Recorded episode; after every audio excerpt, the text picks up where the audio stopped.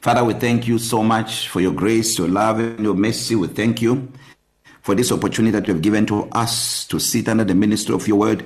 Thank you, Lord God, for illuminating us, for opening our eyes to see mysteries in your word. I give you the praise, the glory, and the honor. In Jesus' name, amen and amen. Thank you so much for tuning to the broadcast today. My name is Pastor Kenny Mokwena. And it's time for you to experience the blessing. We have been talking about the connection between the Holy Communion and the tithe, and we've been using as our theme text Genesis 14, verse 18 to 20, where we see Abraham uh, or Melchizedek meeting Abraham coming from the slaughter of Kedoloma and his allies, and he he he he came with bread and wine when you read verse 18 it shows us that he came with bread and wine. Melchizedek was a type of Jesus he came with bread and wine proclaiming the death of the Lord Jesus Christ in accordance with 1 Corinthians 11 verse 26 which says that when we partake of the holy communion we proclaim the Lord's death until he comes. But Abraham gave him a tithe. Now if you look at this too there is something that shows that there is some partnership here. You need to go deeper into this into the mystery of the script to be able to understand this. One thing that I must submit to you especially concerning this uh, uh, um, uh, episode of today is the fact that the things of God are very much hidden. And you must know that Christ has been hidden in the Old Testament in types and shadows in in symbol he's hidden everywhere. We see Jesus telling the the two disciples who were on the road to to, to Emmaus that he, he the Bible says he opened the scriptures. And showed them the things concerning himself in all the scriptures in the book of Mo in the books of Moses you know in the prophets and he also told the other disciples when they finally connected with them he showed them also in the psalms the things touching himself. So we need to understand that the old testament is actually the new testament uh, uh, uh, concealed but the new testament is the old testament revealed. So in fact when you see Jesus in the old testament you are able to see to see to see the son of god. These things to see that that this is the new testament. These things were were were hidden. They were they were, they were god left them to be a mystery for us. I want to read one scripture for you uh, which will will will will help you to understand the things i'm going to deal with today. So they just to show you a divine mystery the book of ephesians 3 verse 5 and 6 in the passion translation says there has never been a generation that has been given the detailed understanding of this glorious and divine mystery until now. The generation before for us never comprehended this. But God is beginning to reveal it and I'm one of those that God has chosen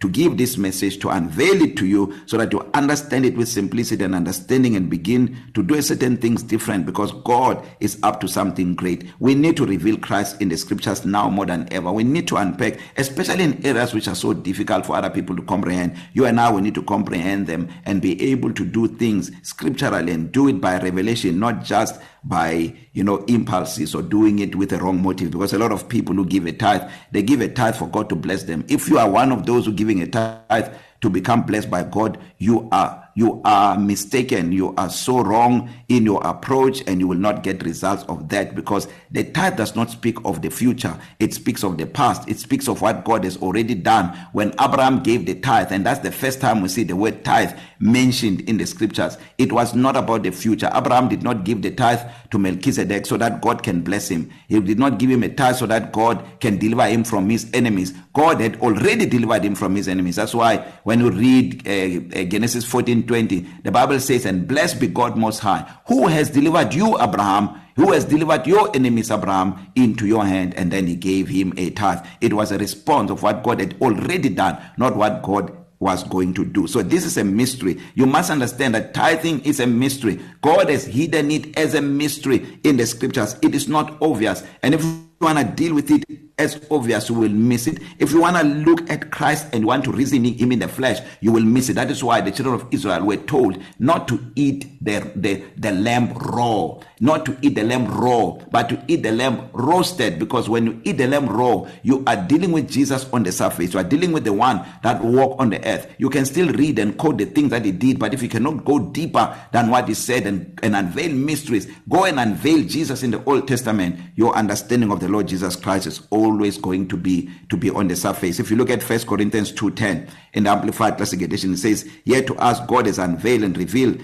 this mystery to us through his spirit. For the holy spirit searches diligently exploring and examining everything. I want you to note this even sounding the profound and bottomless things of god. Underline that bottomless things of god. Proverbs tells us that counsel in the heart of man is like deep water but a man of understanding know how to draw it out. So you need to go deeper in the things of god. The Bible is sounding the profound and bottomless things of God. And then it says the divine counsels and things hidden and beyond man's scrutiny. This is what I'm talking about. When you look at the things of God, especially the areas where the devil fights them, you must know that there is a mystery somewhere which we need to go deeper into for us to be able to understand. There is no message that the devil fights more than the message of tithing because it tempers with his control of wealth. You know that the devil controls the, the, the world right now using money. And if you and I can break free from the love of money and begin to use money to serve God, our lives will never be the same again and the devil will not have access into us. Coming to God and you know giving everything that we give to God with the understanding that everything comes from him. That is why Melchizedek made it clear to Abraham that blessed be God most high who has delivered your enemies into your hand. He was saying to Abraham, Abraham, it is not your strength and your ability that has brought you here. It was not your 318 trained servants. It was the Lord God who has delivered your enemies into your hand. And Abraham responded with a tithe. That's what the tithe means today. We respond of God's goodness. And also, you know, because we're talking about the combination between the tithe and the Holy Communion, you look at, you look at, you look at um, uh, Jacob in Genesis 28. Before Genesis 28, we see um, a mystery uh, in Genesis in Genesis 27 where uh, Isaac his father tell Jacob that with grain and wine I have he tells Esau that he has sustained Jacob with grain and wine a type of the holy communion. Grain and wine he speaks this the same thing that the Melchizedek came with bread and wine. And then yeah uh, in Genesis 27:37 uh, um, uh, Isaac tells Esau that he has sustained Jacob with bread and wine. But when we see Jacob in Genesis 28, the Bible shows us in 20 in, in verse 13 there, it shows us the Lord appearing to him and making a promise to him. So he sees the Lord physically. He sees the Lord Jesus physically.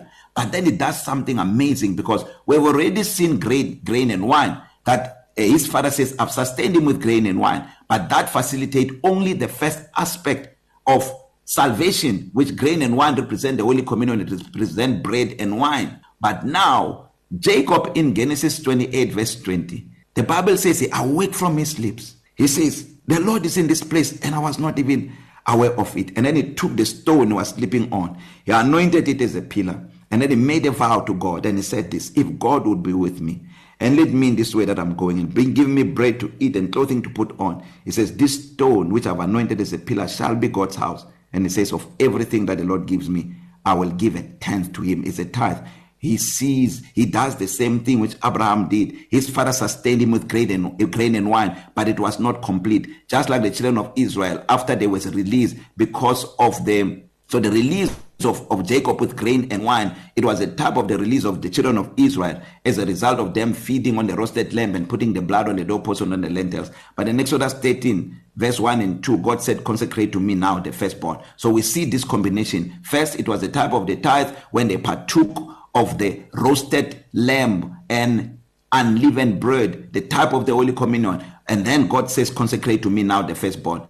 We see in Genesis 27, verse 37, where now Abraham uh, is Isaac tells Esau that I've sustained your brother with grain and wine. But in the next, very next chapter, Exodus chapter 28, the Bible tells us that Jacob made a vow to God and said, If you would be with me and lead me in this way that I'm going, of everything that you give me, I will give a tenth to you. Now that completes the salvation package. We see that partnership in the life of Abraham. Melchizedek came with bread and wine, just like Isaac sustained him with grain with with with with with a, a grain and wine. And then Abraham gave the tithe. Now we see Jacob responding to the grain and wine. He says I will give the tithe to you. How did he do that? He did that by revelation. He was not told because tithing is a revelation in the scriptures. It's not on the surface. It is deep. And we see another mystery also where we see this. Can you remember when the children of Israel entered Jericho? It was very interesting there because I'm going to read this very quick. Joshua 6 verse 15 to 19 And the Bible says, But it came to pass on the seventh day that they rose early about the dawning of the day and marched around the city seven times in the same manner. On that day only they marched at the city seven times. And the seventh time it happened when the priests blew the trumpets that Joshua said to the people, Shout, for the Lord has given you the city. I want you to see something, a mystery there. The trumpets of Israel comes from that something called the shofar. The shofar come out of a ram of a, a, a horn of a ram. You remember when Abraham was about to kill Isaac, when in, in Genesis 22, God said, No, no, no, don't do it. Now I know that you fear me. And the Bible says Abraham lifted up his eyes and he saw a ram caught in a thicket by its horn. That was a type of Jesus. That is the ram that died in the place of Isaac because when Isaac was put in the altar, Isaac was representing you and me. But God said, No, it's not Isaac that is going to die. The one that is going to die is the ram. And from that day, ram, the ram was recognized as a very important animal and the horn that was caught in a thicket just like Jesus well there were thorns that were put on his head just like that ram was caught in a thicket by its horn. So when the children of Israel today they blow the shofar they don't know that they are proclaiming the death of Christ the same thing that the Holy Communion does. So when the children of Israel was about to enter Jericho they were told to proclaim the Lord's death by blowing the shofar. But there is something interesting that happened after that because it could not end there. Because the blowing of the shofar it speaks of the death but there has to be a picture of the resurrection of, of Christ. Verse 17 says now the city shall be doomed by the by the Lord to destruction and all who are in it. Only Rahab the harlot shall live she and all who are with her in the house because she heed the messengers that were sent. And you listen to this. It says and you by all means abstain from the accursed things lest you become accursed when you take of the accursed things and make the camp of Israel a curse and trouble it this was the same thing that God said to Adam and Eve that do not partake of this tree